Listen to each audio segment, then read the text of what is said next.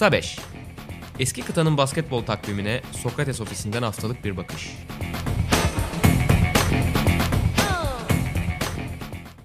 Merhabalar, Sokrates'in Euroleague Podcast'ı Kısa 5'in yeni bölümüne hoş geldiniz. Ben Buğra Balaban, sevgili Utkan Şahin'le beraber Fenerbahçe Beko ve yeni koç Igor Kokoşkov'u konuşacağız. Utkan hoş geldin. Hoş bulduk abi, nasılsın?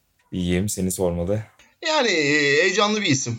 Kokoşkov herhalde ne bileyim Nisan ayı gibi Avrupa'ya geri dönecek deseler kimse tahmin etmezdi. Hele Fenerbahçe'nin koçu olacak deseler kimse hiç tahmin edemezdi. Bir anda böyle bir isim geri dönmüş olması heyecan verici ve konuşulacak çok güzel şeyler var bence. Hemen başlayalım bence. Kesinlikle öyle. Yani tahmin edilemeyecek çok fazla şey oldu Kesinlikle. geride kalan bir haftada. O yüzden de hızlıca toparlayalım. İlk olarak sana Obradovic'in vedası ile ilgili bir soruyla başlamak istiyorum. Çünkü biz bir acil servis kaydettik e, Caner ve Uğur Ozan Sulak'la. Seninle konuşma imkanı bulamamıştık. Biz senin görüşlerini de merak ediyorum. Önce o ayarlık sürecini ve Jelko Obradovic'in vedasını konuşalım. Sonrasında geride kalan o süratli 3-4 gündeki koç arayışına değerlendirelim. Yani şöyle aslında siz o programda çok uzun uzun bir şekilde her şeyi çok iyi bir şekilde konuşmuşsunuz. Ben dinledim programı ve çok o konunun üzerinde söyleyebilecek bir şey yok. Ben kendim açımdan sadece bir pencere açmak istiyorum Obradovic'in gidişi açısından. E, yani senle ben işte Obradovic'in ilk geldiği yıllarda 18-17 yaşlarında e, bu spora yeni spora sevda duyan ve işte bu işe yeni yeni girmiş gençlerdik ve seninle konuştuğumuz için de biliyorum. Bu 7 yıl bize çok şey kattı aslında yani bir açıdan. Hmm. E, o açıdan ben çok müteşekkirim Obradoviç'e. Ben basın toplantılarından tutun maç analizlerine kadar her şeyde onun olduğu dönemde çok e, önemli bir gelişim gösterdiğimi düşünüyorum. Ve bu konuda çok şanslı hissediyorum kendimi. Onun için bu pencereyi açmak istiyorum. Yani e, sadece oyunculara ya taraftar ya da kulübü değil bir basın mensubunda gelişmesi için yardımcı oldu. Elbette diğer koçların da bu konuda yardımcılar oldu. Yani burada sadece Obradovic yaptı dedi söylemiyorum ama bu konuda bir bende bir bölüm açtı ve e, bunun için müteşekkirim. Diğer her şey için aslında dediğim gibi her şeyi söylemişsiniz. Çok üzücü bir bitiriş, çok üzücü bir ayrılış. Şöyle çok üzücü bir ayrılış. Ben hep söylüyorum bu şekilde ayrılmamalıydı. Yani evet ayrılabilir. Fenerbahçe'de Obradovic'in dönüp birlikteliği sona erebilir. Bu dünyanın sonu değil. Elbette bir gün bu yaşanacaktı ama bu şekilde ayrılmamalıydı. Ali Koç geçen geçtiğimiz günlerde bir konuşma yaptı ama beni tatmin etmedi açıkçası. Çünkü kendi açısından, kendi penceresinden baktığı yerler var ama genel resimde hala bazı sorular havada kalıyor. Neden 22 gün boyunca, yani Obradovic kalmak istiyorum diye açıklama yaptıktan sonra Mayıs ayında neden 22 gün boyunca Fenerbahçe'den bir açıklama gelmedi ve Mayıs ayında kalmak isteyen adam neden e, Haziran'da alemle karar aldım ve devam etmek istemiyorum noktasına geldi.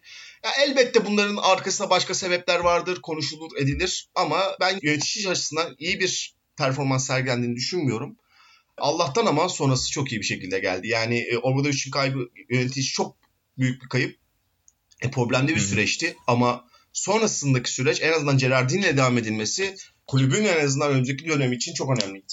Aynen öyle ve şey de iyi oldu aslında. Yani dediğin gibi belki sürecin geçen sezonundan beri itibaren yani geçen yazdan itibaren hatta yönetilişi kusursuz değildi. Onu söylemek mümkün ama en azından İstanbul'daki son görüşmeler itibariyle hani tarafların kökleri atarak ya da böyle birbirlerine gocunarak veda etmemiş olması anlaşıldığı kadarıyla en azından önemli. Yani ne olursa olsun Jelko için hani birçok işte Panathinaikos'u da buna söyleyebiliriz. İkinci evi, üçüncü evi sayabilirsin birçok yeri ama Fenerbahçe'nin de Ataşehir'inde her zaman öyle bir yer olarak kalması adına taraftarlar zaten böyle hatırlayacaktı ama Jelko Obradovic açısından da kötü bir ayrılık, acı bir ayrılık olmaması adına e, iyi oldu bence ki sonraki koç seçiminde de bence bunun etkilerini hissediyoruz açıkçası. Birazdan zaten Kokoşkov üzerinde konuşurken Obradovic'te olan mesailerinden de bahsedeceğiz. Obradovic'in vedasının ardından en önemli gelişme senin az önce çıtlattığın gibi Gerardini'ydi. Çünkü onun da gidebileceği konuşuluyordu. İşte NBA'den belli teklifler olduğu söyleniyordu. Maurizio Gerardini'ye ki Avrupa'da zaten birçok kulübün kapısını açacağı çok kıymetli bir yönetici. E, onunla yapılan görüşmelerin ardından iki yıllık bir sözleşme uzattı Gerardini ki bu çok önemliydi. Biz seninle arada da bir konuştuk bu konuyu. Yani orada için olmadığı senaryoda hangi antrenör olursa olsun en azından o yapıyı sağlam tutabilecek, o temellerin bir miktar e, işte menajer ilişkileri olabilir, oyuncu pazarıyla olan irtibat olabilir, kulübün genel yapısı olabilir. O ilişkileri sağ sağlam tutabilecek, ayakta tutabilecek birinin kalması çok önemliydi ve Giardini de hani biraz Jelko Obradoviç'le beraber çalışırken esneklik alanınız daha zayıf kalabiliyor. Hı hı. Yani Jelko Obradoviç oyuncu tercihlerinin çok içinde olan bir koç neticede ve onun söylediği sözde elbette tartışabilirsiniz. Gerardini de çok yetenekli, çok üst düzey bir yönetici ve işte özellikle mesela Ekpiyudov transferi için çok konuşulduğu söylenir. Obradoviç'in başta ikna olmadığı, Gerardini'nin onu ikna ettiği zaman da çok söylenir. Ama bir yandan da hep şey oluyordu yani iyi transferler biraz da Obradoviç'e kayıp hani kötü hamleler işte Jason Thompson ya da birkaç e, kötü hamle daha hatırlarız. Onlar hep sanki Gerardini'nin transferi gibi öyle kötü bir imaj da vardı ama aslında Gerardini ne kadar el üstünde tutulan dünya basketbolunda ne kadar büyük saygı gören bir antrenör olduğunu hemen zaten koç arayış sürecinde de gördük. İlk olarak Şarnas Eskevicius'un ki pandemi öncesinde Kavanaz'ı terk etmesine pek de ihtimal verilmeyen hani giderse NBA'ye gider diye baktığımız Eskevicius'un pandemide Jalgiris'in yaşadığı maddi sorunlardan ötürü bir anda pazarda olduğunun ortaya çıkışı ve Gerardini'nin neredeyse son ana kadar belki e, Mirotic İspanya Ligi finalinde erken beşlemese o maçı Barcelona alabilse belki Pesic devam edecek. Der ne kadar Pesic biz yönetimle konuştuk zaten son sezonum olduğunu biliyorduk dese de e, maçtan önceki açıklamalarda pek öyle görünmüyordu açıkçası. Pesic biraz yani... kendine laf söyletmemeye evet, çalışıyor evet. gibi görünüyor. O yüzden de e, muhtemelen Pesic devam edecekti. Ve hal böyleyken de Yaskevicius çok büyük ihtimalle Ataşehir'e gelecekti. Hı hı. Son anda işte Barcelona koçu değiştirip önümüzdeki yılda tabii ki seçimler olduğu için artık başkanın çok fazla şansı yoktu. O yüzden de Yaskevicius'a hemen gittiler. Bir gün içerisinde de imzaladılar ama hani Gerardini'ne çok düşen bütçeye rağmen Fenerbahçe'yi iyi bir seçenek olarak Yaskevicius aklında tuttu. İlk olarak bu hamleyi Aha. gerçekleştirdi. Hemen akabinde de senin de söylediğin gibi kimsenin aklında dahi olmayan birini Igor Kokoşkov'u hem de çok kısa bir süre içerisinde ikna etmeyi başardı. Yani bu aslında senin söylediğin süreci çok net bir şekilde anlatıyor. Yani şöyle anlatıyor. Fenerbahçe başka bir genel menajere de gidebilirdi. Gerardini seviyesinde hmm. ya da Gerardini seviyesinin altında ama kimse onun kadar hemen bu sürece hakim olamaz. Yani sonuçta bir yaşanmışlık var ve kulübün şu an A'dan Z'ye her şeyini biliyor Gerardini. Yani bugün başka bir genel menajer getirseniz belki bu her şeyi öğrenmesi bir ay iki ay alacaktı ve bu kadar hızlı refleks gösteremeyecekti. Ama Gerardini geldi pazartesi günü anlaştı yanlış hatırlamıyorsam. Bu hafta pazartesi günü an, e, uzattığı açıklandı. Arkasından tık tık tık dedi hemen bir Saras hamlesi, bir teklifi. O olmadı. 24 saat içerisinde Kokoşkov gibi e, bence şu an e, Fenerbahçe taraftarını tatmin edebilecek bir koçu getirdi. Yani bu çok önemli bir başarı.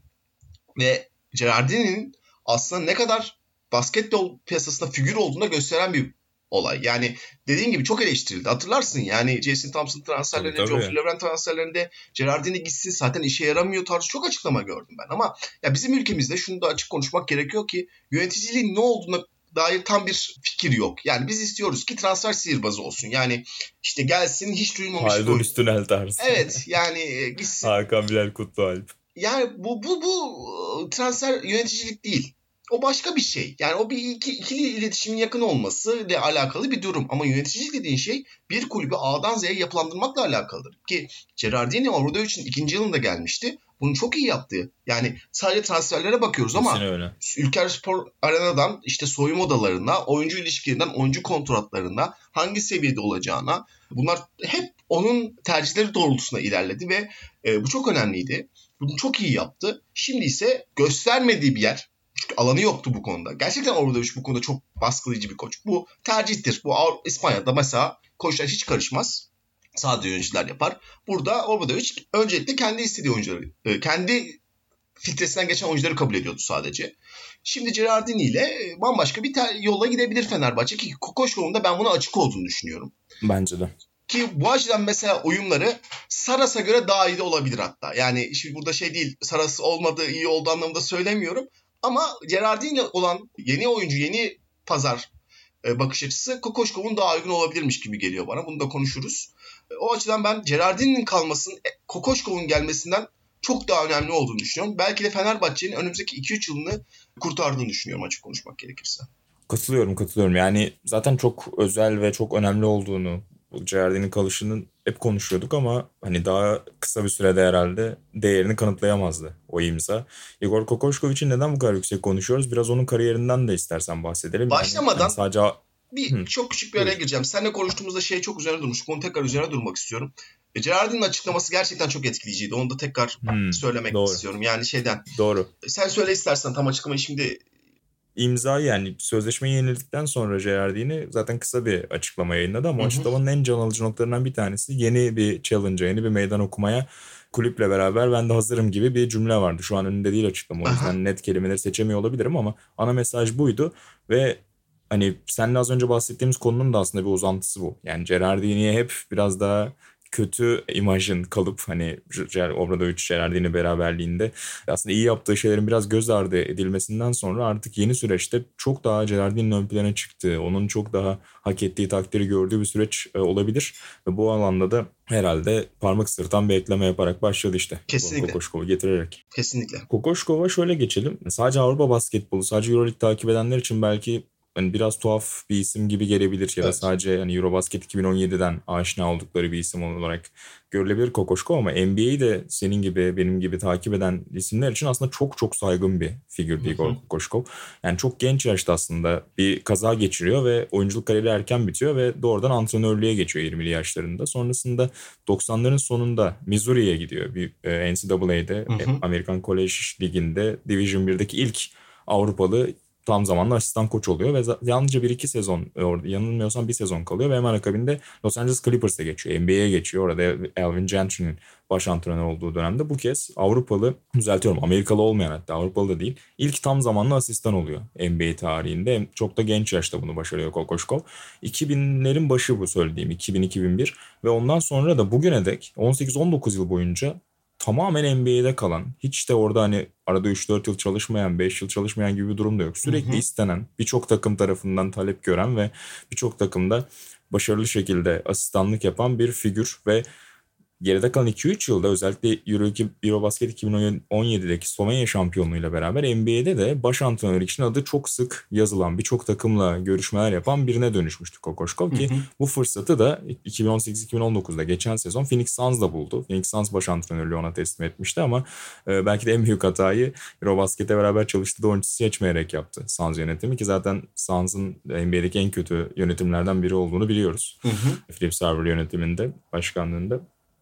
Bu yüzden de ona çok fazla sabır göstermediler. Aslında takım epey kötü bir takım zaten. Yani Tyler Johnson'ın işte ilk 5 başladı. Isaiah Kenyon'ın neredeyse 30 dakika yakın süre aldı falan bir rotasyondan bahsediyoruz. Zaten Hı hı. o takımın çok ekstra bir şey yapması mümkün değildi. Yine de hani aslında oynadıkları basketbol anlamında fena şeyler de göstermemişti.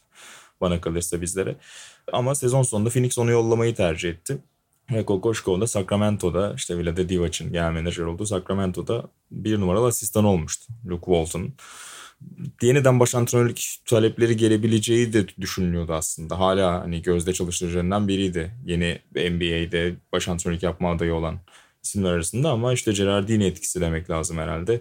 Bir şekilde onu ikna etmeyi başardı ve Avrupa'ya geri getiriyor yaklaşık 20 yılın ardından Tabii. Igor Kokoşkov'u. Yani Kokoşkov'un söylentileri herhalde 2010'dan itibaren Avrupa'nın çeşitli takımları için hep çıkmıştır. Sen de hatırlarsın. Yani. Hı hı. Bir Panathinaikos hatırlıyorum mesela ben iki yıl önce Kokoşkov'u istiyorlar tarzında. Evet 2015 civarında hatta ilk bir yoklamışlar galiba. O ara Yanakopoulos istememiş diye bir şey okudum ben de. Tabii olabilir. Ee, ki mesela Fenerbahçe'de asistan koç olarak hep istedi. Hı. Yani e, şimdi Kokoşkov sen çok güzel bir kariyer özeti yaptın ve aslında nasıl bir koç olduğunu çok net bir şekilde, nasıl bir CV'si olduğunu çok net bir şekilde ortaya koydun. Hı. Özellikle onun ben işte bugün bizim sitede bir çevirisini okudum. Amerika'da ilk tutulmasını sağlayan şeylerden bir tanesi mesela e, hücumdaki özel bakış açısı. Yani hücum olan bakış açısı, hücumdaki yenilikçi bakış açısı daha doğrusu. Ve o sayede bir Amerika'da kendine bir yol çizip o işte oradan e, asistan koç olarak uzun yıllar çalıştı. E, ki milli takım kariyeri belki de e, bizim için Avrupa basketbolu için daha etkileyici. Yani işte hem Makedonya hem Yunanistan şey e, Slovenya ile yaptıkları çok özel işler. Ne diyecektim unuttum ben ya. unuttum. Bir şey daha Ee, ya sen hatırlarken şuradan gireyim istersen.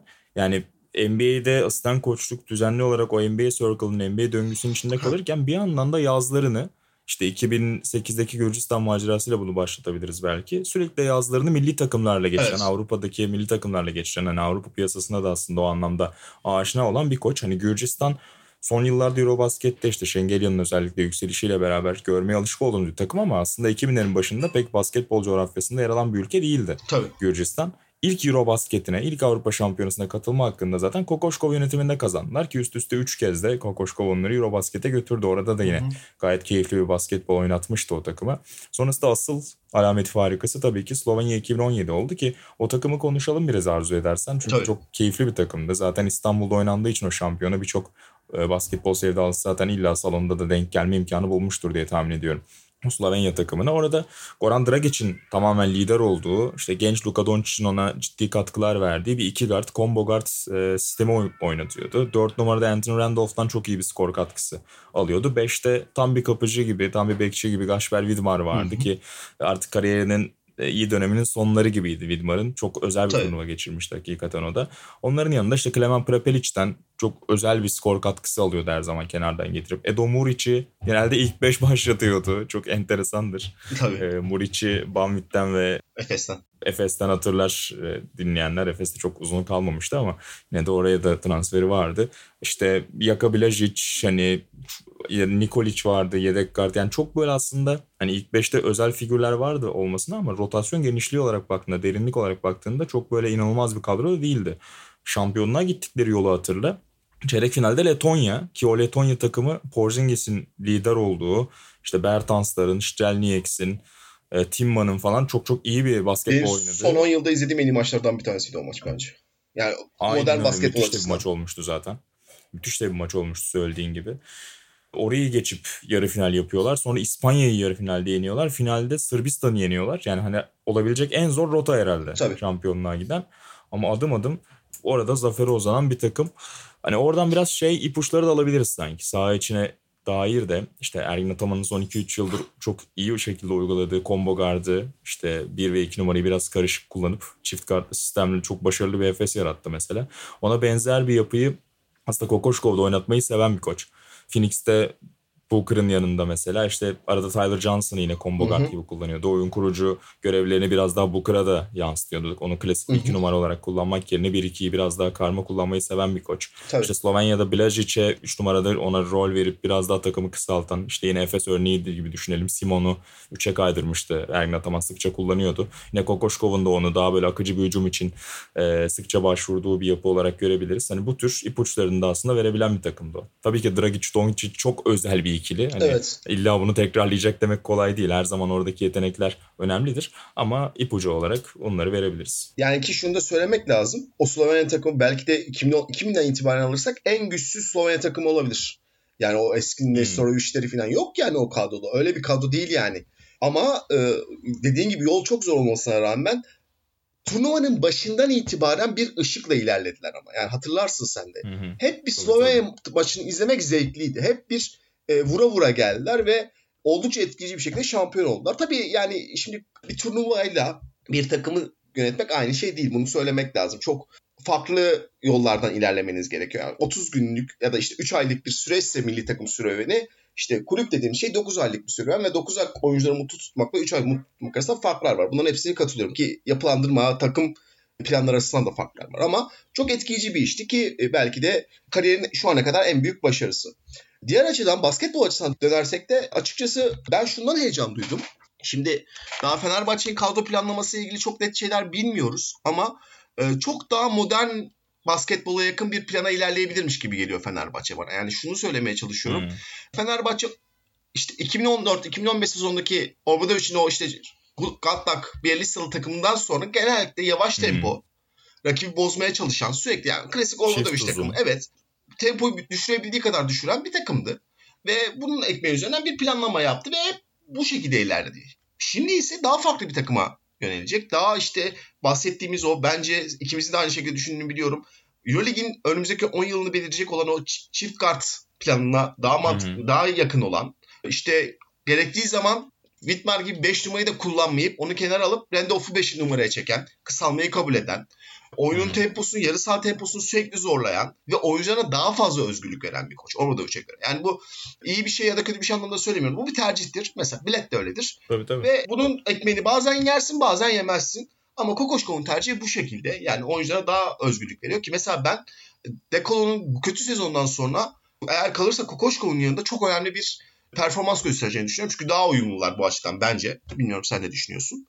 bütün bunları düşündüğümüzde daha farklı bir Fenerbahçe bize vaat ediyor Kokoşkov. Yani tabii kadro planlamasını göreceğiz. Ondan sonra daha rahat konuşuruz ama benim planım, benim düşündüğüm şey Kokoşkov buraya gelip aynı planı devam ettirmeyecek. Aynı Fenerbahçe basketbolunu sürdürmeyecek. Bu açıdan bile Fenerbahçe taraftarı ve basketbol severler heyecanlanabilir bence. Çünkü Obradoviç'in planının çok başarılı olduğu ortada 2013'ten beri alırsak. Sonuçta 5 defa Final Four'a kalmış ama özellikle son 2 senede artık izletebilirliğini kaybetmişti. Şundan kaybetmişti çünkü hep aynı şeyi görüyorduk.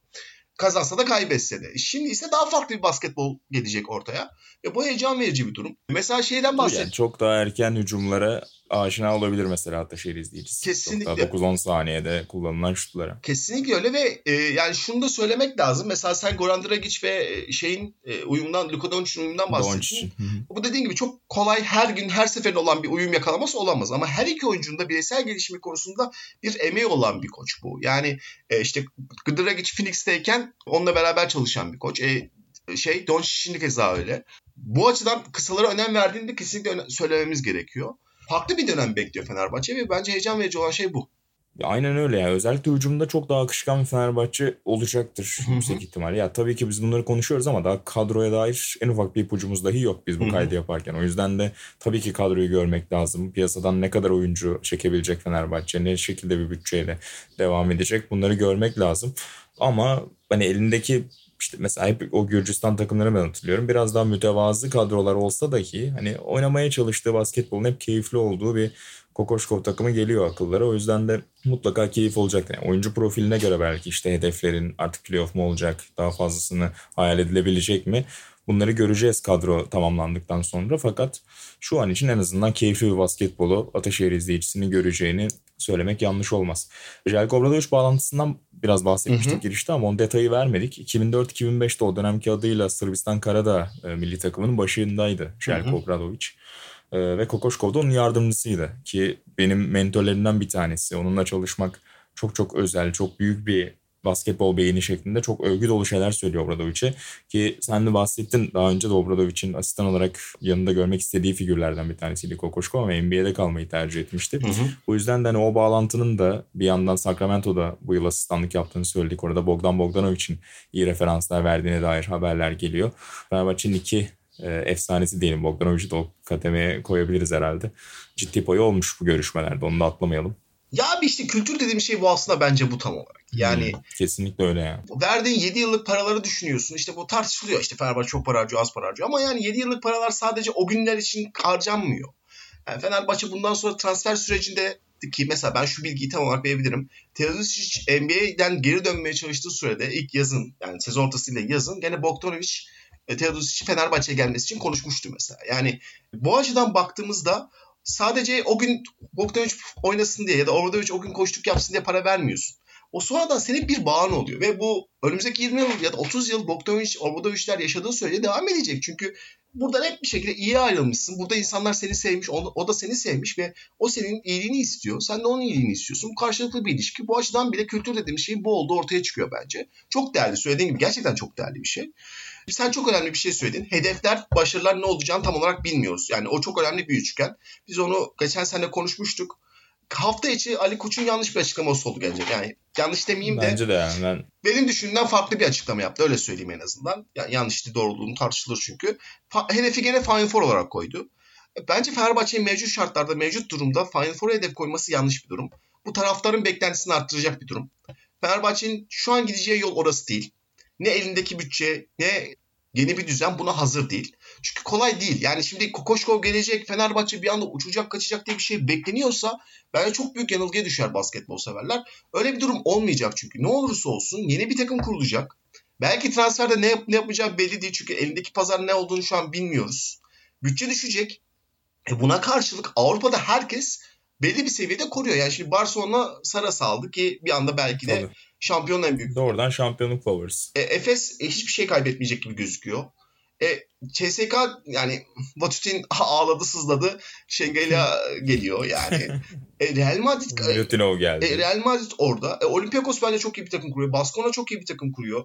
Maccabi e, geçen seneden gene bir şey kaybetmeyecekmiş gibi gözüküyor. Bütün bu pencere kim ki gene işte en azından o paraları harcamaya devam edecek. Valencia iyi paralar harcamaya başladı. E kez yani daha ben, ben şu ana kadar Panathinaikos dışında, ne yapacağı belli olmayan bir takım duymadım ben.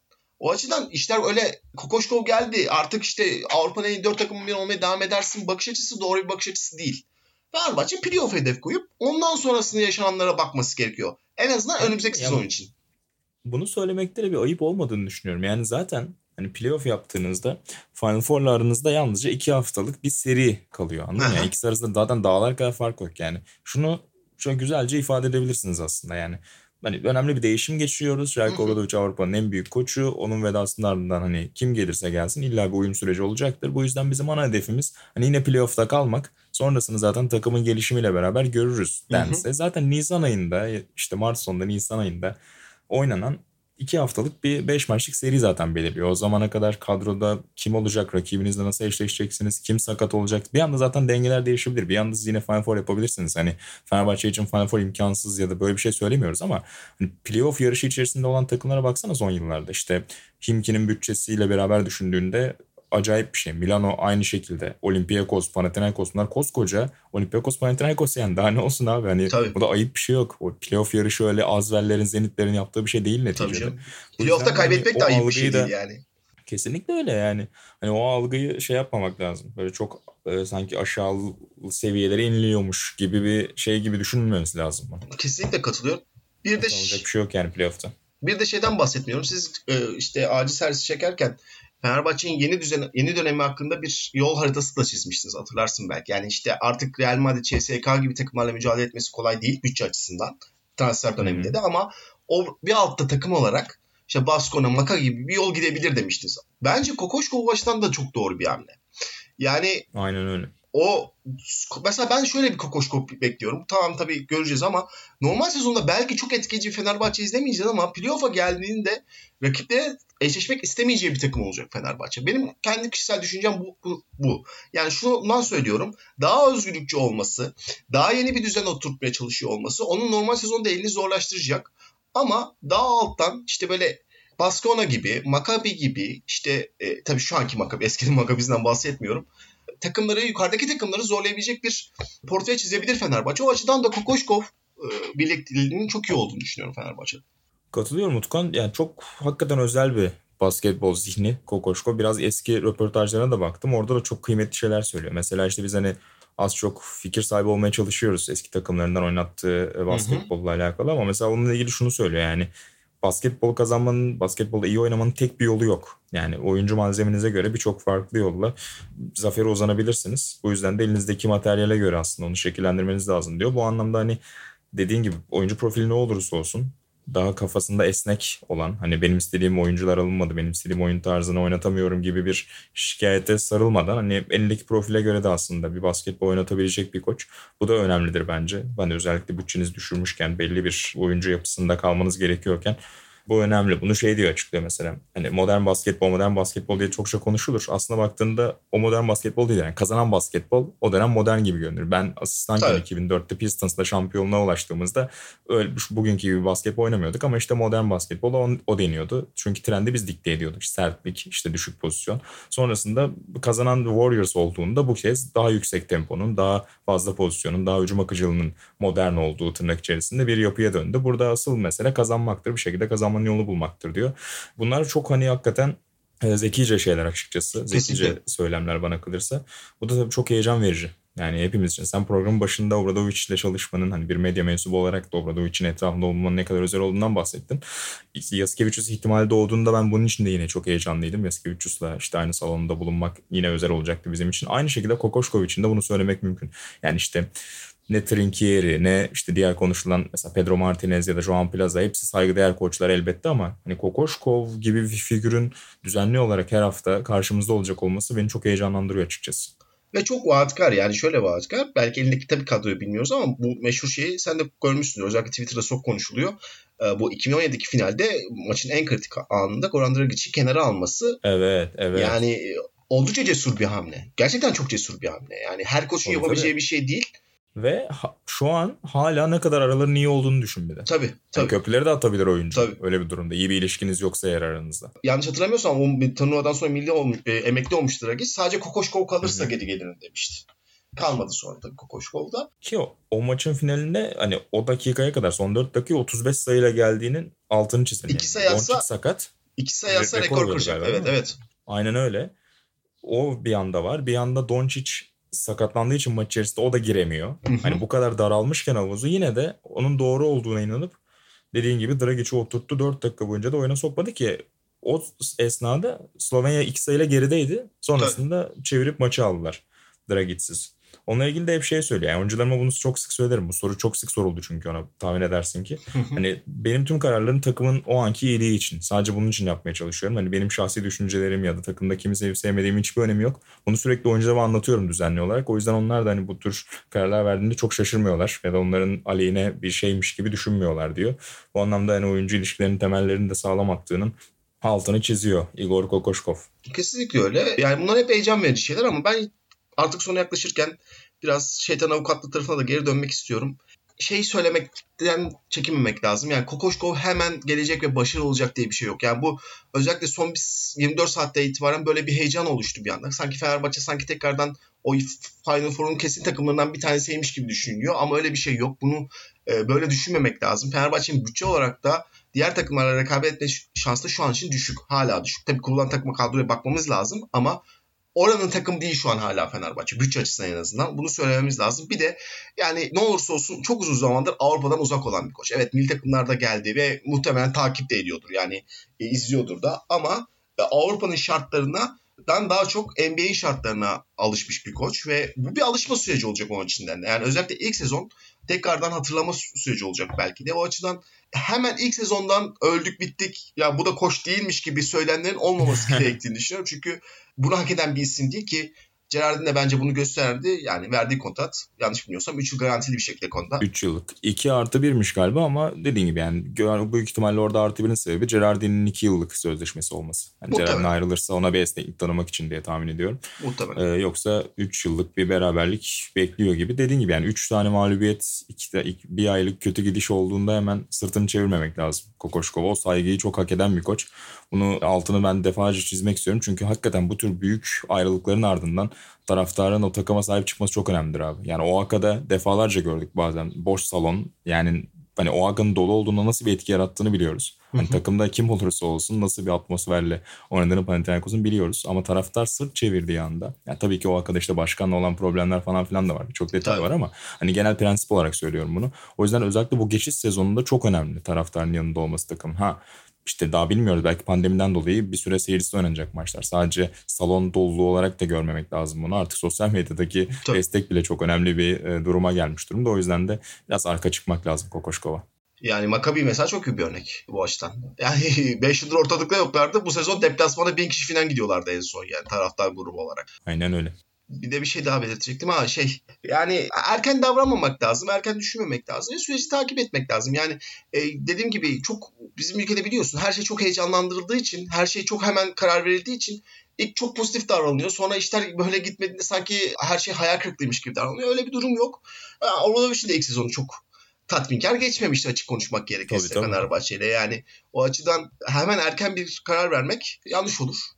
Ben böyle bir karar Fenerbahçe yönetimi açısından geleceğini düşünmüyorum da basketbol severler için yanlış olur onu söylemeye çalışıyorum. Katılıyorum. Yavaştan arzu edersen kapatalım. Son olarak bir anıyla yine Kokoşkov'un paylaşmayı çok sevdiği bir anıyla kapatmak istiyorum. Tamam. Chuck Daly çok efsane Pistons koçu. Birleşik Devletler Milli Takımını da uzun yıllar çalıştırmıştı. Özellikle o Bad Boys denen 80'lerin sonundaki takımın koçu. Onunla ilgili bir anıyı anlatmayı çok seviyor.